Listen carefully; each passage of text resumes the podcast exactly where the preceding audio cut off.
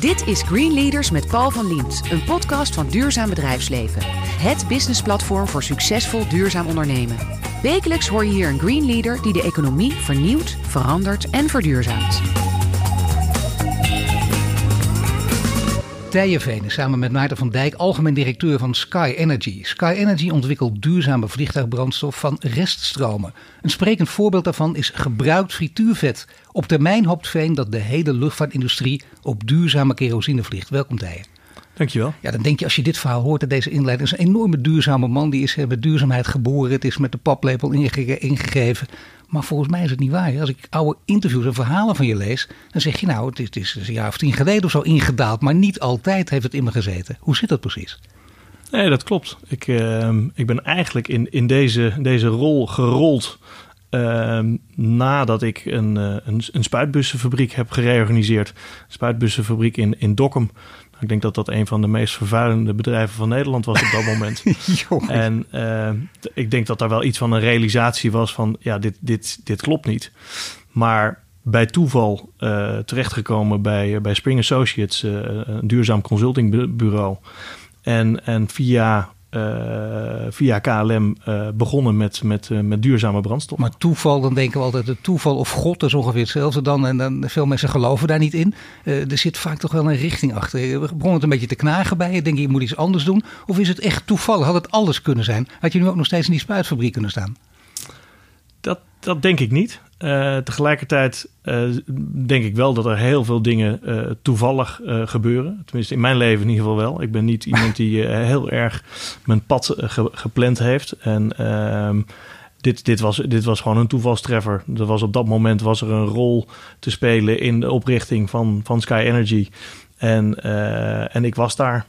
Uh, toevallig. Het is voor ons wel belangrijk om te weten, hè, dat horen we steeds in al die verhalen. Mensen hebben dat langzaam van zich af moeten schudden. Uh, duurzaamheid, uh, de, de, de geiten sokken. Je denkt, je mag het nog niet zeggen. Nee, dat klopt. Bij die voorhoede nog niet. Maar als het om de hele grote groepen gaat, zit altijd nog een beetje half in de verbeelding. Is dat nu volledig weg bij jou? Heb jij er eens wat moeite voor moeten doen om, om, om een knop om te zetten? Ja, dat denk ik wel. Ik. Uh ik heb altijd moeite gehad met, met de, nou ja, uh, ik, ik, ga het onaardig zeggen, de GroenLinks uh, persoon van, van 15 jaar geleden. Nou, dat is helemaal niet onaardig hoor, dat mag je gewoon zeggen. Ja, nou ja, dat, dat, maar dat was inderdaad dat imago van, van uh, nou ja, de vegetarische uh, bomenknuffelaar. Beetje, beetje dat gevoel. Ja. Nou, ik denk dat dat helemaal weg is. En ik denk dat de realisatie bij een veel grotere groep mensen gekomen is dat, hier, dat, we, dat we moeten veranderen. En die is bij mij ook gekomen. En 15 jaar geleden had ik daar nog niet echt een, een heel sterk beeld bij van nou, ik, uh, de wereld vergaat en, en we moeten met z'n allen uh, minder vlees eten en uh, ons gedragen. Je ziet ook veel, veel positiviteit, vind ik vooral bij, bij jonge, jonge mensen. Dat is ook prettig natuurlijk. Hè? Dan wordt er op een heel andere manier tegen aangekeken. Dan is het ook fris, vrolijk, niet alleen maar heel negatief en we vergaan met z'n allen, maar dat hangt er ook mee samen. Het gaat, het gaat een beetje samen met elkaar misschien. clean technology heeft er ook mee te maken. En uitgerekend bij jou in het bedrijf natuurlijk helemaal, Sky Energy. Want wat is het precies? Wat doen jullie?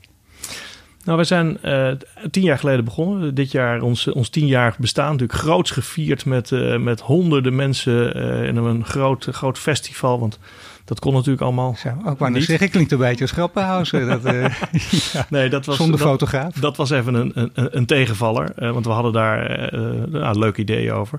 Maar tien jaar geleden zijn we gestart samen met KLM en, en Spring en, en, en nog een aantal partijen om te kijken hoe kun je nou de luchtvaart daadwerkelijk een, een, een stap duurzamer uh, gaan maken.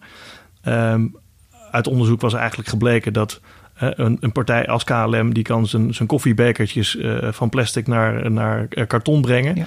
En dat is hartstikke goed. Maar de echte impact zit, zit in brandstof. 99% van de, van de, van de, van de CO2-uitstoot van een airline is, is brandstof. Dus daar moest wat aan gebeuren. Alleen op dat moment was er eigenlijk niet zoveel. En um, we zijn toen samen gestart om te kijken: oké, hoe kunnen wij deze markt gaan maken die niet bestaat?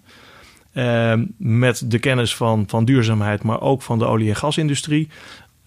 gezocht naar, naar oplossingen. Nou, in 2011 zijn er voor het eerst batches geproduceerd van biobrandstof voor in een vliegtuig. Een vliegtuig is net iets anders dan een auto. dus de, je brandstof moet nou, min 58 graden kunnen worden. En dus allemaal net iets ingewikkelder. Ook met, met, met alle veiligheidsvoorschriften. Maar we zijn eigenlijk gewoon begonnen als soort van praktische jongens om, om te zorgen dat er brandstof kwam. En, en dat in vliegtuigen stoppen. En dat hebben we eigenlijk de eerste paar jaar zijn we, dat, zijn we dat gaan doen. Met name om te promoten, om te laten zien dat het anders kan. Ja, dat het anders kan. Anders kan dan bijvoorbeeld ook uh, gebruik maken van palmolie. Want misschien mensen die er heel goed in zitten, die denken: wacht even, dat is de eerste associatie die ik leg. Met alle uh, uh, omstreden discussie daaromheen. Hè? Bossen kappen, oerwouden kappen. Nou, dat is, dat is, dat is, dat is, uh, dat is, een, dat is een hele, hele goede, goede vraag. En ik denk dat dat. Eindelijk zeg, hé, we zijn tien minuten bezig. Het werd ook tijd. Hè? ja. Nee. ja. nee, maar uh, als je kijkt naar, uh, naar het wegtransport bijvoorbeeld. Dan zie je dat daar, en dat, dat is niet zichtbaar, want als jij je auto tankt dan, en je gooit daar diesel in, dan zit er biodiesel in. Ja. Daar zit ook palmolie in. En dat is, uh, ja, dat is ontstaan door, door de bio-industrie, biodieselindustrie, die opgeschaald is uh, door Europees beleid. Maar die is te snel gegaan. En daardoor zijn nou ja, de duurzaamheidseisen zijn, zijn niet scherp genoeg gesteld. Of op dat moment wel scherp genoeg gesteld met de, met de kennis van toen. En als je nu kijkt, ja, denk je van, nou ja, misschien hadden we dat scherper moeten zetten. En dat is wel wat we in de, in de luchtvaart nu heel erg proberen uh, voor elkaar te krijgen. Dat, dat die duurzaamheidseisen, dat die, dat die heel strikt zijn. Maar dan heb je dus inderdaad verschillende partijen. De overheid, uh, de politiek die regels stelt. Uh, jullie de praktische jongens die ook hier natuurlijk heel goed over nadenken welke kant je op moet. Wat is nu de stand van zaken? Want we hebben natuurlijk ook de coronacrisis. Hè? Misschien handig omdat je even tot net voor de viering van het mooie tienjarige bestaan, wat dan niet gelukt is door, door corona. Maar tot corona, wat was toen de stand van zaken? Nou, de, de, de, de stand van zaken is als ik nu kijk naar, uh, dus als ik kijk naar, naar, naar mijn bedrijf, dan uh, zijn we in tien jaar tijd zijn we, zijn we een, een, een, wereldmarktleider geworden. En wat ontzettend leuk en cool is. Uh, tegelijkertijd gaat er op dit moment nog geen 0,1% aan biobrandstoffen in, in vliegtuigen. Dus dat is nog veel te weinig. En we moeten dus nog een hele grote stap maken om, om naar een, een, serieuze impact te gaan. Maar wat heb je daar vooral voor nodig? Heeft dat echt vooral uiteindelijk uh, met, met, wetgeving te maken? Met, met welke politieke beslissing ook er genomen gaat worden? Of hangen er andere dingen mee samen? Er hangen, er hangen een paar dingen aan samen. De, de, ene is, is wetgeving. Uiteindelijk moet je, moet je ervoor zorgen dat, dat de regelgeving zo uh, georganiseerd is dat, uh, nou ja, dat je stimuleert dat die biobrandstoffen gebruikt worden op de juiste plek. Uh, dat is op dit moment is dat, is dat deels het geval. Uh, in Nederland hebben we het op dit moment goed voor elkaar. In Europa zijn we bezig om iets, iets heel moois op te tuigen. In Amerika, aan de westkust van Amerika, heb je ook regelgeving die, die goed werkt. Uh, want het is gewoon wat duurder dan, dan gewoon fossiele, fossiele brandstof. Dus die regelgeving is, is, is cruciaal om echt op te schalen. Tegelijkertijd heb je ook uh, andere stakeholders nodig die meewerken aan. En dan denk ik aan nieuwe technologieën. Want uh, we hadden het net al eventjes over afgewerkt frituurvet. Daar is niet genoeg van om de hele KLM van te laten vliegen. Nee, maar dat is bijna het cynisch van het verhaal. En denk je, geweldig om dat te doen en zo. Er is niet genoeg frituurvet. Maar ja, je kunt moeilijk de mensen gaan aanzetten tot meer frituurvet maken. Dat kan niet, dat willen we ook niet. Integendeel. Nee, nee dat, dat, dat, uh, dat, dat willen we zeker niet. En, en daar zit de grote uitdaging om te kijken naar nieuwe technologieën om, uh, om, om heel veel tijd, innovatie te stoppen in, in die, die volgende stap. Nee, maar dat snappen we. Dat, is, dat begrijp ik ook dat je nodig hebt. Maar daar heb je dus aandeelhouders voor nodig. Heb je ook anderen voor nodig die daarin mee willen gaan. Dan denk je dus meteen aan lange termijn. En da, da, daar zit het grote risico in, zeker in deze tijd, of niet? Ja, die zit, die, uh, in deze tijd zit, zit een risico dat de airlines uh, over het algemeen het, het heel zwaar hebben. En uh, dus de vraag is: kan een airline die op de intensive care ligt, nu soort van een stap gaan maken om te vergroenen? Dat is de discussie die op dit moment heel erg speelt. Um, kijkend naar Greenpeace, die net uh, de, de, Nederlandse staat heeft aangeklaagd. Uh, omdat het steunpakket geen keiharde voorwaarden heeft voor duurzaamheid. Welke, kijk, jij zit er echt bovenop. Je kent veel van de spelers ook. Hè? Geef ons eens een inkijk in welke richting het op gaat. Nou, ik denk dat, dat de, de Nederlandse overheid uh, met haar steunpakket uh, gekomen is. En daar zijn een, een, daar is een aantal voorwaarden aangehangen. Met name om gewoon te zorgen dat het bedrijf het overleeft. Uh, daar hangen voorwaarden aan vast die wat minder hard zijn, omdat dat uitgewerkt moet worden. We zitten in een nieuwe industrie met die, met die duurzame ja, brandstof. Normaal Nederlands heel vaag, hè? dat krijg je natuurlijk altijd. Iedereen duidt erop, maar ja, dat zijn dus hele vage, bewust omschreven, maar toch kunnen nog alle kanten mee op. Ja, ja dat, dat, uh, dat klopt. En ik denk dat, dat de intentie van uh, en de Nederlandse overheid en de KLM en uh, andere Duitse airline, uh, die, die hebben eigenlijk allemaal diezelfde intentie. Het moet alleen wel werken en wel kunnen. En ik denk dat daar een, een belangrijke rol voor de overheid te spelen is. Dus die, die, die speelt op verschillende borden. Want uiteindelijk gaat die langetermijn investering gaat erom hoe krijg je je investeerder aan boord? En die investeerder die stapt pas aan boord op het moment dat hij denkt van dit is een business case die, die kan werken. We zijn in, in, in Delfzijl zijn we met, met een fabriek bezig om die te ontwikkelen. Uh, wat wij daarvoor nodig hebben is uh, een afnemer, een hele duidelijke langetermijn uh, regelgeving. Van oké, als, als wij deze fabriek gaan bouwen, dan moet die niet over vijf jaar door veranderende regelgeving niet meer in business zijn. Dus je moet, je moet langer termijn gaan denken. En dat, dat is voor, ehm, voor de overheid denk ik de belangrijkste boodschap. Dat, dat, dat je dat uh, investeringsklimaat creëert waarbij er zekerheid komt. Zijn op die, ja, maar dat is dus al de moeilijkste boodschap, dat weten we allemaal. Hè? Want de zekerheid in deze tijd is er niet, is onmogelijk, kun je bijna niet geven. Maar toch, als je een heel goed verhaal hebt, zijn investeerders inmiddels zo ver dat ze, want het gaat om grote bedragen, het gaat geloof ik om 250 miljoen. Ja. Zoveel, ja, zie je, dat zijn toch flinke bedragen. Zijn investeerders inmiddels zo ver dat ze hier meegaan? Nou, we, zijn nog niet zo ver dat, dat de, de investeerder uh, de centjes heeft overgemaakt. Um, dus, dus die uitdaging die, die ligt voor ons. En um, ik denk dat er, dat er heel veel interesse is vanuit uh, investeringspartijen. Hè, de banken, de private equity uh, wereld, pensioenfondsen. Ja, daarom, die zijn wordt allemaal... vaak vergeten. Pensioenfondsen, die zouden, daar is barsten van het geld. Ligt daar dan niet de grootste kans? Of zie ik het verkeerd? Nou, dat, is, dat, dat denk ik zeker. En helemaal als je kijkt naar wat die aan het doen zijn en hoe zij kijken naar hoe kunnen wij uh, die energietransitie uh, teweeg brengen. Dat betekent dat zij moeten gaan kijken van oké, waar willen wij nou nog wel en waar willen we niet in investeren? En dat, dat, dat is een, een, een, een, een onderwerp wat, wat denk ik heel interessant is om te bekijken. Hoe kan je als, als pensioenfonds, als uh, private equity, als bank, hoe kan jij sturing geven aan de juiste investeringsbeslissingen? Intussen moet jij ook beslissingen nemen als bedrijf. En uh, uitgerekend in coronatijd, ook al kun je het feestje dan niet vieren, dat kun je eigenlijk in je hoofd mentaal wel degelijk vieren. Want jullie zijn ook opgeschaald. Hè? Groot, je zegt de, de, de, grootste marktspeler in de wereld. Dan denk je aan een bedrijf van duizenden, miljoenen mensen. Misschien natuurlijk niet. Een relatief klein bedrijf van 15 is nu gegroeid naar 30. Dus daar is wat gebeurd in deze periode. Waar haal je zelf dan dat vertrouwen vandaan? Wat er nog blijkbaar nog niet helemaal bij de investeerders is. Om, om op deze manier, weliswaar kleine, maar toch flinke manier op te schalen. Nou, dat is, dat is uh, overigens een enorme uitdaging om van 15 naar 30 uh, ja. te schalen. En het klinkt als een klein stapje, maar uh, dat, dat, we merken dat dat best, best ingewikkeld is. Overigens ook heel erg leuk om, om dat te zien. Uh, er is een momentum ontstaan. En ik denk dat, dat, dat we daarop acteren. En ook daar misschien toeval, uh, misschien uh, je, zou het kunnen noemen, dat is visionair geweest. We hebben vorig jaar een nieuwe investeerder aan boord gekregen. Um, waardoor we eigenlijk best ruim in de middelen zitten.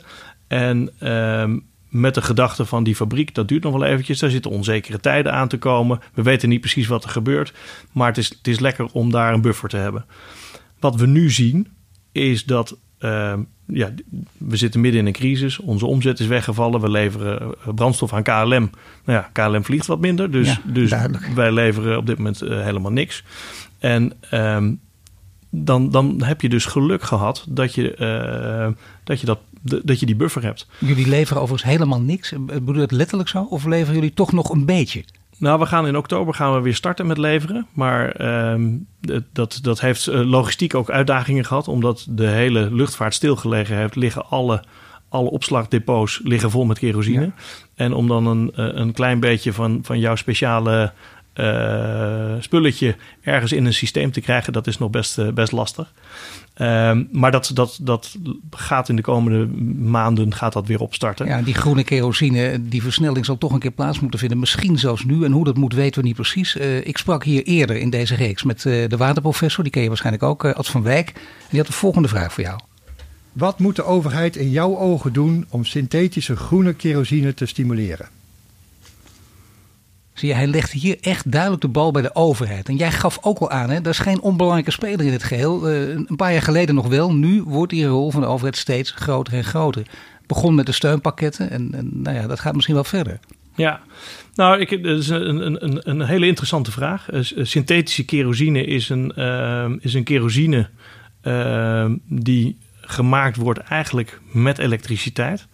En um, ik denk dat daar een van de, van de, van de grote vraagstukken ligt voor de, voor, de, voor de overheid. En ook dat is iets wat nieuwswaardig is. Europa heeft net gezegd tegen de Nederlandse overheid: allemaal hartstikke leuk die steun die jullie willen geven aan de waterstofeconomie. Maar dat gaan we niet doen op dit moment, want jullie hebben jullie elektriciteitsvoorziening uh, niet voor elkaar. Er is te weinig groene elektriciteit. En ik denk dat, dat daar de Nederlandse overheid nog wel een paar stappen kan maken om te kijken naar wat meer geïntegreerd beleid. Je kijkt nu naar uh, het, het, elektrificeren van, van, van, van de auto's. Je kijkt naar alle huizen moeten elektrisch. We gaan van het gas af. We willen eigenlijk, en dat is onze industrie, ook naar synthetische kerosine. Ook op basis van elektriciteit. Betekent dat je, dat je echt heel veel elektriciteit nodig hebt. En daar heeft de Nederlandse overheid denk ik tekortgeschoten in de afgelopen jaren. Uh, want er zijn wel gascentrales gebouwd, er zijn kolencentrales gebouwd. En hoe ga je nu uh, groot opschalen in die, in, die, in die groene elektriciteit? Want die waterstof, die hebben wij ook nodig. En ook, ook voor onze huidige fabriek. Uh, daar, daar komt een waterstoffabriek naast te staan. Dus dat is, dat is van, van een groot belang.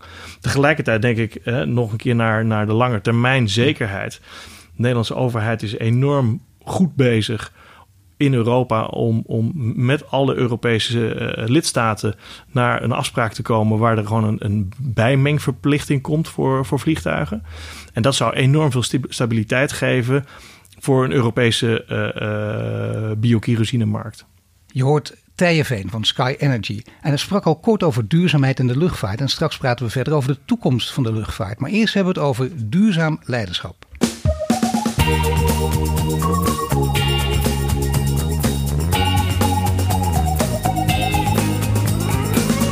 Bij de studio staat Tije Veen. Net spraken we over de beginfase van Sky Energy. En nu praten we verder over zijn achtergrond.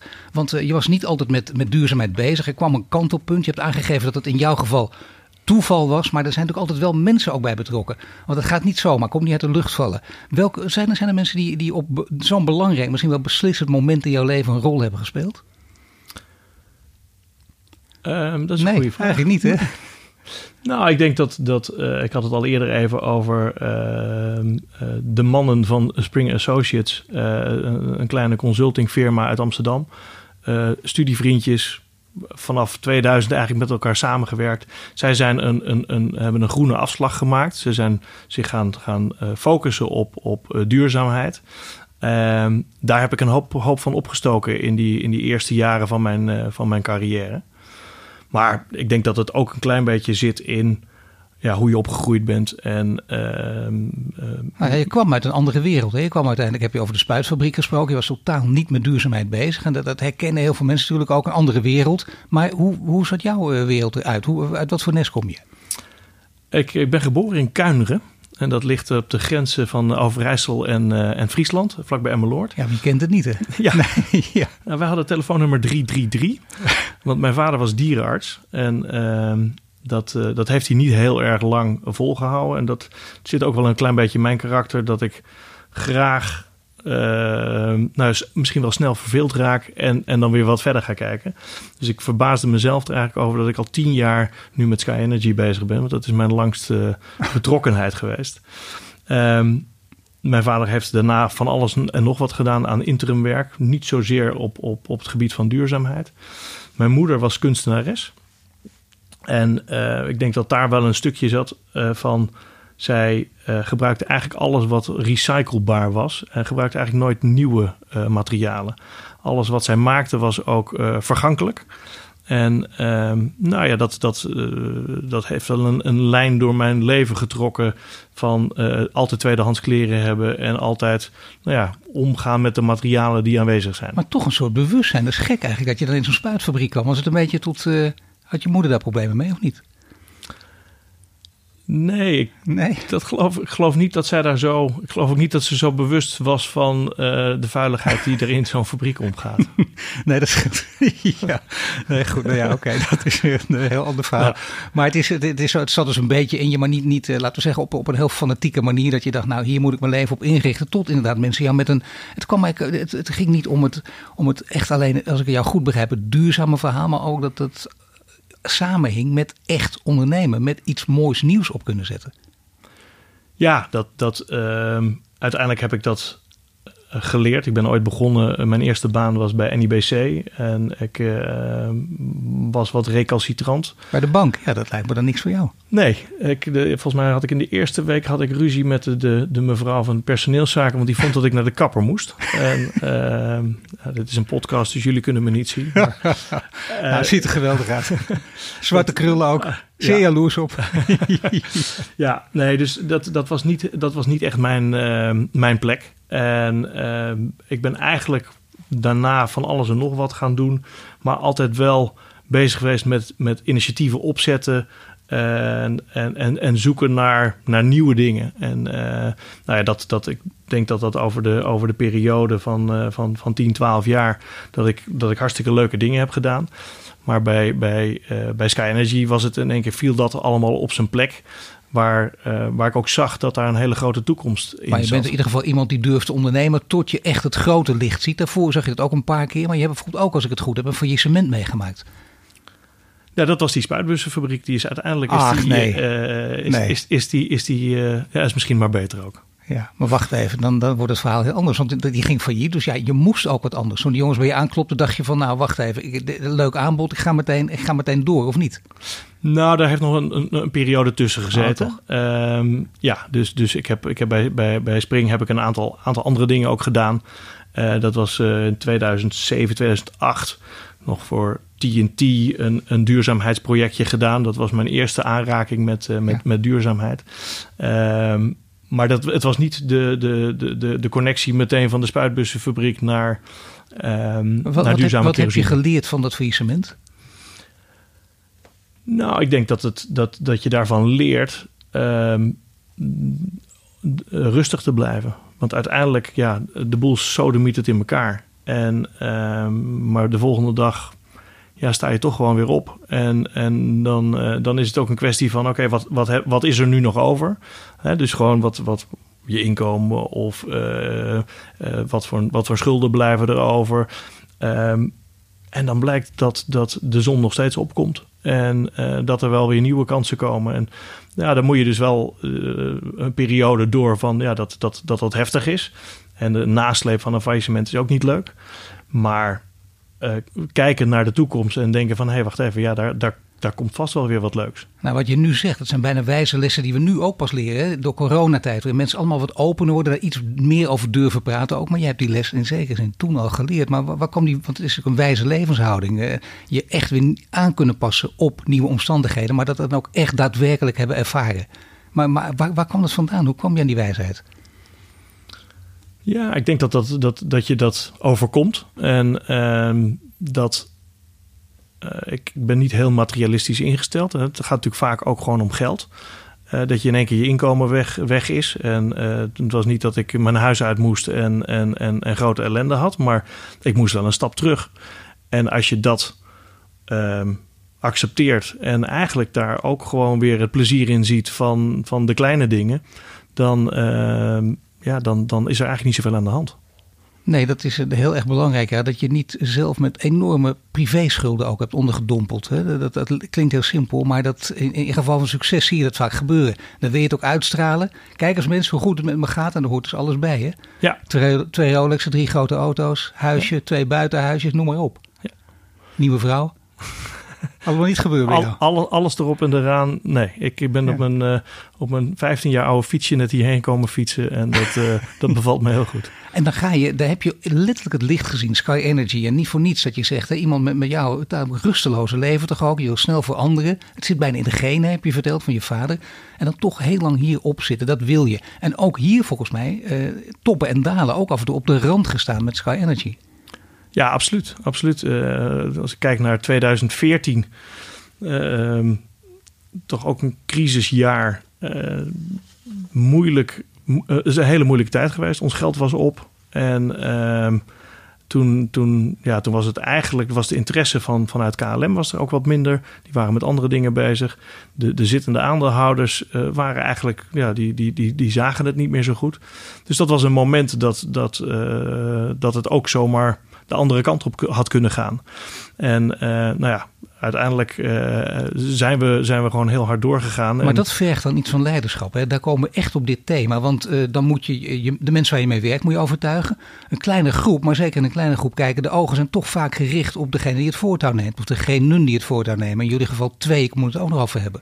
Maar dat, dat speelt dus. En je hebt te maken met aandeelhouders en investeerders. Hoe die naar je kijken. Hoe heb je die hele groep kunnen overtuigen? Nou, ik denk dat dat, dat uh, in, in, in, in die periode uh, heel erg was met aandeelhouders in ieder geval. Van nou, vooral geen vragen stellen. Dus uh, niet de hand ophouden en nu zeggen van ja, uh, het kan allemaal niet. Dus we hebben, we hebben op dat moment hebben we de, de tering naar de nering gezet. En we zijn nou ja, op alternatieve manier gaan zoeken naar inkomsten. We hebben onze kosten naar beneden gebracht. En, uh, en dan is het inderdaad de, de moeilijkheid om je team bij elkaar te houden. Maar het is even de aandeelhouders. Die, dit is ook een manier van, van werken. Dat kan op alle manieren. Maar jij hebt het zo gedaan, waardoor zij, denk je ook, of dat heb je ook gemerkt, niet in paniek raken. Nou, ik denk dat zij, dat zij wel in paniek waren. Uh, of in paniek waren, dat is misschien wat, wat groots. Maar de interesse was er, was er minder. En als je dan de, de vraag stelt van jongens, er moet even eh, bijgestort worden, want het geld is op. Ja, dan kom je op een heel natuurlijk moment dat er misschien ook wel gezegd wordt van nou, uh, nee, dat doen we niet. Ja.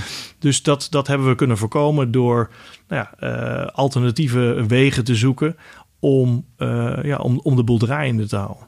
En dan de werknemers. Hoe ben je met de werknemers omgegaan? Hoe heb je dat, dat gedaan? Want ja, die zijn wel in paniek natuurlijk. Die denken ook, mijn baan zit op het spel. Ja, ik, ik weet niet of, of, of die groep dat zo ervaren heeft. We waren natuurlijk ook nog niet zo heel erg groot op dat moment. Er zijn een paar mensen zijn ook weggegaan. Uh, maar het groepje wat overbleef, denk dat, uh, dat die wel gevoeld hebben van ja, wat is de toekomst van het bedrijf? Niet zozeer van staat mijn baan op het spel, maar wat uh, is, zit er een lange termijn toekomst in die, uh, die zo groot is zoals we dat met z'n allen bedacht hadden. Want deze industrie die moet gigantisch groot worden. dus dan is het meer je, je uitzicht op, uh, kan ik mijn ambities waarmaken in, in, in deze club, in deze industrie. Of ik ga weg. Hè? Als je inderdaad getalenteerd bent, dan denk je ook van ja, nou, dat, dit verhaal geloof ik niet meer. En jij moet dan de geloofwaardigheid behouden. En, en hoe doe je dat? Ja, ik denk dat dat, dat, dat uh, aan de ene kant gewoon heel eerlijk zijn is. Dus van ja, jongens, op dit moment is er wat minder interesse vanuit industrie, aandeelhouders. En, en dus we moeten, we moeten dit met elkaar doen. Uh, tegelijkertijd wel die lange termijn uh, visie houden van jongens, dit, dit, dit gaat niet uh, anders zijn over een paar jaar. We, gaan, we gaan elke tien jaar gaan we door een crisis heen. En dan gaat even iedereen gaat, gaat met zijn eigen dingen bezig zijn.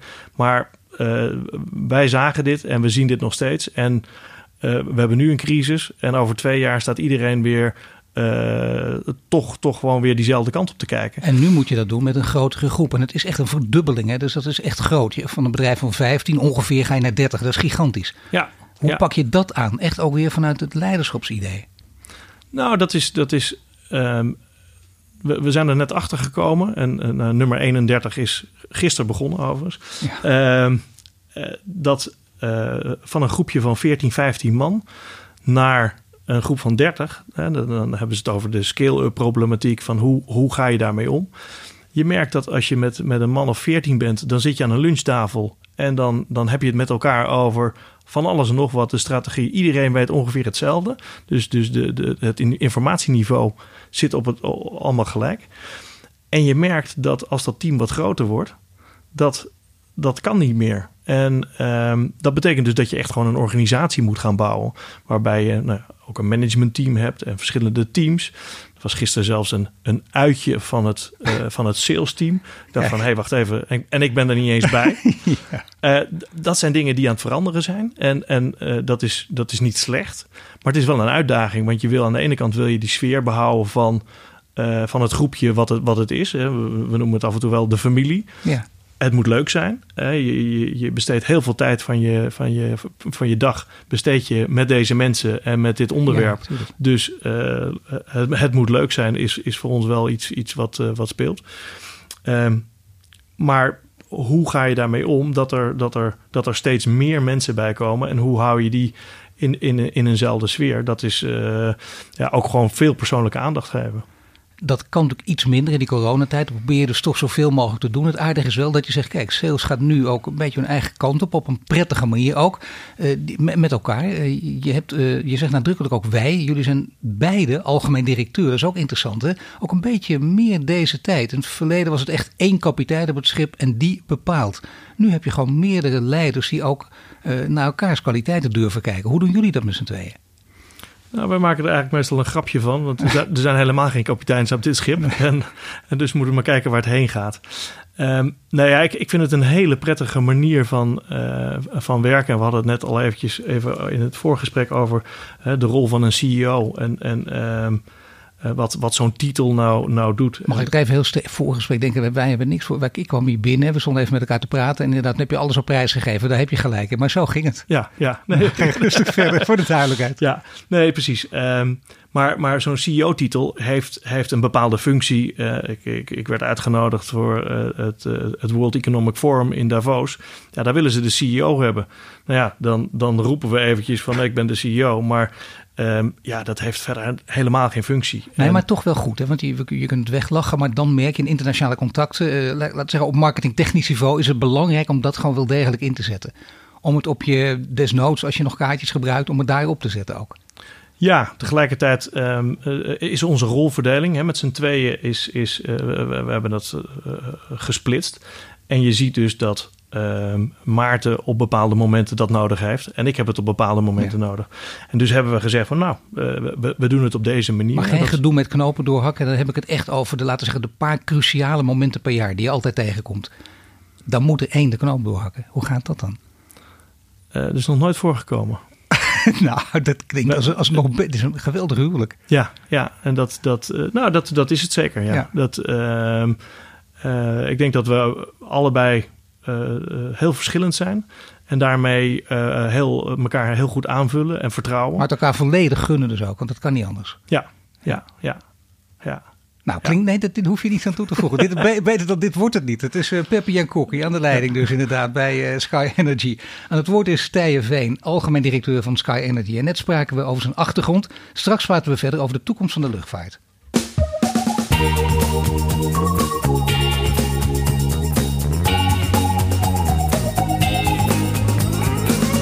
Bij mij in de studio staat Tije Veen van Sky Energy. Net spraken we over duurzaam leiderschap. Nu praten we verder over de toekomst en de huidige ontwikkelingen in de luchtvaart. En voordat we dat doen, even voor de duidelijkheid: duurzaam leiderschap. Die term, daar mogen we dan langzamerhand een beetje van af. Kunnen we die net iets gaan omvormen?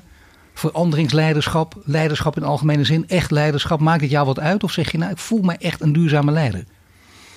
Nou ja, dat is een beetje wat, wat is de definitie van een duurzame leider? Uh, als je het hebt over een duurzaam businessmodel, dan betekent dat niet dat dat uh, duurzaamheid is. Uh, ik denk dat als je, als je kijkt naar de term duurzaam leiderschap, is, is uh, niet alleen duurzaamheid, is ook zorgen dat je met de groep waarmee je werkt, met de omgeving waarmee je werkt, met je eigen ja, fysieke toestand, met je eigen, hè, dat, je, dat, je, dat, je dat, dat je dat voor de langere termijn vol kan houden en, en weet te borgen. Dus uh, ja, duurzaamheid is, is, is een ongelooflijk belangrijk aspect.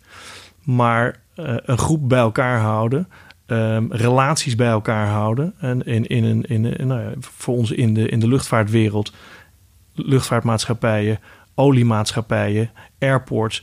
Dat, ook dat is, is uh, daar moet je een duurzame relatie mee opbouwen. En ik denk dat dat, dat dat misschien wel onderdeel is van duurzaam leiderschap. En dan uh, die duurzame relatie, die lange termijn relatie. Uh, wat voor invloed speelt corona daarop? Hè? Want er zijn veel mensen die zeggen in relatie tot de luchtvaart... nou, dat gaat lekker zo, er wordt minder gevlogen. De lucht wordt schoner, je merkt het vanzelf. Het probleem, met andere woorden, lost zich vanzelf op. Ja, en dat is eigenlijk hartstikke goed. Ja, ja. Is mijn, is, mijn taak, is mijn taak wordt wat kleiner. En, en, Jij wil ook graag wat anders doen. Dat, dat ga je misschien bij deze ook zeggen. Je gaat wat anders doen en de, de vliegen houdt ook op. Weet je, dat is een beetje de toekomst of niet? Nou, ik denk dat, dat er wel een, een, een realisatie aan het komen is. En uh, mijn klanten en de relaties zullen dat niet allemaal even leuk vinden uh, dat, dat wij dat zeggen. Maar laten we in godsnaam wat minder vliegen met elkaar. Want het is natuurlijk van de gekke uh, dat we een weekendje op en neer vliegen naar Barcelona om, om daar te winkelen. Of ik woon midden in Amsterdam. Dan zie je weer zo'n bachelorpartij uit Engeland komen. En die, die komen hier ja. goedkoop drinken. En die vliegen allemaal heen en weer voor een weekendje. Ja, dat, dat, dat, dat, dat zou, wat mij betreft, zou dat gewoon moeten stoppen. Maar toch wel iets meer dan nu. Want ik uh, bedoel, niet voor niks. Hè. De overheid stopt zoveel geld in de KLM. Ook natuurlijk voor, ten behoeve van Schiphol. Een belangrijke hub. Dat de hele verhaal uh, is bij de insiders en de anderen waarschijnlijk ook langs van doorgedrongen. Dat is een groot verhaal. Er zal toch wel iets meer gevlogen moeten en mogen worden dan nu, of niet? Nou ja, zeker. En ik, want ik ben niet tegen vliegen. En ik denk dat, dat de, uh, de, zodra vliegen op een duurzamere manier kan, dan mag je van mij weer naar Barcelona. En dat vind ik allemaal prima. Maar ik denk dat, dat de realisatie dat we nu nog geen grote oplossingen hebben voor uh, het verduurzamen van de luchtvaart. 0,1% duurzame brandstof op dit moment. Nou, dat gaat opschalen ja. naar 14% in 2030 in Nederland. Dat is hartstikke mooi, maar dat is nog steeds maar 14%. Ja, dat is toch te weinig, want dat wordt door anderen weggezien als een enorm ambitieus doel. Hè? Je probeert ook realistische doelen te stellen die gehaald worden. En niet dat we moeten zuchten in 2030, het is weer niet gelukt. Nou, ik denk dat 14% echt extreem uh, ambitieus is. Tegelijkertijd blijft er nog steeds uh, 86% over van, uh, van, van die uitstoot. Dus uiteindelijk is, is onze boodschap ook: laten we wat minder vliegen. En laten we, laten we het op die manier doen dat je, dat je die noodzakelijke vluchten, dat je een mooie vakantie maakt, ook goed. Maar het mag wel een stapje minder. CO2-tax erop of niet? Wat heel veel economen, echt bijna alle economen trouwens, bepleiten. Nou, ik denk dat daar, dat daar zeker voor iets voor te zeggen is. Ik denk alleen dat je moet uitkijken, en dat, dat zie je in verschillende uh, regio's, van oké, okay, wat doe je dan met zo'n tax? Zo'n vliegtax, uh, ja. in 2008 is die een keer ingevoerd en weer afgeschaft. Nou, die komt er nu ook weer aan. Wat ga je met die opbrengsten doen? Hè? Dat is uh, geregeld ja. bij wet dat dat naar de algemene middelen gaat. Maar laten we dan met elkaar afspreken, oké, okay, dit is, dit is een, een, een goede pot om te zorgen dat we investeren in, in die duurzame luchtvaart. Dat er daadwerkelijk in 2030 14% aan, aan duurzame brandstof is. Die echt duurzaam is. Waardoor we die vrijheid weer hebben om, uh, om, om wel te vliegen. Nee, dat is denk ik wat je nu heel belangrijk hebt. Want er wordt inderdaad vaak vergeten. Dan wordt er alleen een term geroepen. Nou, hup, dat hebben we, kunnen we weer het vinkje zetten. Het is, het is afgevinkt klaar. Nee, wat doe je met dat geld uiteraard om meer dan die 14% te krijgen? Maar is het, ik bedoel, ik zou bijna zeggen, maken wij het nog mee dat de hele complete luchtvaart verduurzaamd is? Met duurzame brandstof. Hoe oud ben je? Uh, ik ben 58. Nee, dat maken wij niet meer mee. Nee, toch? Nou, ik, ik, denk dat, ik denk dat we een heel groot eind kunnen komen. 2040, 2045. Hè. Zweden heeft het over fossielvrij in 2045. Zetten groot in op elektrisch vliegen. Uh, daar is een grote kans voor, uh, voor een bepaald stukje van, van de markt. Uh, kortere afstanden, kleinere vliegtuigen, die kunnen op een gegeven moment elektrisch. Uh, we, zien, we zien absoluut een toekomst in uh, synthetische kerosine. We zijn in, in Rotterdam samen met, Schip, met de Schipholgroep zijn we daar een, een, een testfabriek aan het ontwikkelen. Dat zou uh, op grote, grote schaal kunnen gaan plaatsvinden. Maar het hele systeem moet mee. Je hebt groene elektriciteit nodig. Je hebt enorme investeringen nodig. En je moet nu beginnen. En dat is denk ik het allerbelangrijkste. Dat, dat als wij niet nu beginnen dan halen we dat in 2030 niet. Dus, dus, en dat is voor ons ook die reden om die 0,1% die er nu is, om die goed in te zetten. Om te zorgen dat alle stakeholders, hè, de Schiphol, KLM, maar ook degene die vliegt. Want uiteindelijk, uh, uh, de bedrijven die allemaal hun mensen heen en weer willen laten vliegen om, om daadwerkelijk business te doen. Ja, dat zijn, degene, dat, dat zijn de mensen die hier eigenlijk de, de rekening zouden moeten maar betalen. business doen is dan inzetten op duurzame kerosine, wat sommige politici roepen. Ik bedoel, ook de 58-jarige Sigrid Kaag, hè, die ook nu begint aan een nieuwe job en bam, die denkt het allemaal wel mee te gaan maken. Maar inzetten op duurzame kerosine, gaat dat lukken? Ik denk het wel. Ja, ik denk het wel. En, eh, maar je hebt iedereen nodig. En uiteindelijk eh, nog een, een aardige uh, aankondiging uh, een maand geleden was Microsoft. Die zeiden: Wij gaan al onze CO2 die we vanaf de start van het bedrijf in 1973 hebben uitgestoten, gaan we allemaal goed maken. Nou, dat zijn initiatieven. Ja. Ja, daar, daar, daar, moeten we met z'n allen gebruik van maken. Die grote bedrijven die moeten mee gaan doen. Want, want uh, een KLM in zijn eentje kan dit niet. Een, een Schiphol kan dit niet. Uh, het, het moet van alle partijen komen. Is er en, daar ook niet de tijd voor? Hè? Soms kun je dat onvermoede coalities noemen, maar ze kunnen nu gesmeed worden. En inderdaad, je hebt al die partijen nodig. En ja, soms hangt het in de lucht, letterlijk. Hè? Ook dit. Het gaat over de lucht, maar het hangt ook in de lucht. Moeten deze partijen, denk je dat het ook gaat gebeuren nu? En dat dus Nederland daar misschien wel wereldleider in kan zijn? Nou, ik denk dat, dat, dat, daar, dat daar zeker een hele grote rol te spelen is. Uh, wereldmarktleider, dit, dit, dit gaat een hele grote markt worden. Want als je 14, ja. 50 procent in, in 2050 wil, wil uh, substitueren van, van fossiel naar, naar bio, dat, dat, zijn, dat is een enorme industrie die maar je kunt, daarom, kunt gaan... Microsoft, weet je wel, zo'n grote partij als die, vaak zie je wel letterlijk zwaakleef aan en daar gaan anderen ook mee. Ja, dat klopt. Ja. Zijn, zijn er meer ja. partijen die jij nu, uh, je, ik pin je er niet op vast, maar van je zegt, nou, ik heb het vermoeden dat die zich ook gaan aansluiten?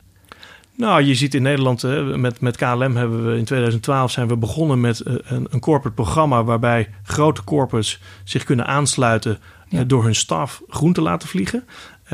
en daar waren Heineken, ABN AMRO, dat soort partijen die ja. zeiden, ja, dit willen we dat moet veel meer. En ik denk dat dat, dat dat ook nu aan het gebeuren is. Momentum is er veel meer dan, dan acht jaar geleden. Mensen zien nu gewoon van ja, dit, dit kan niet meer.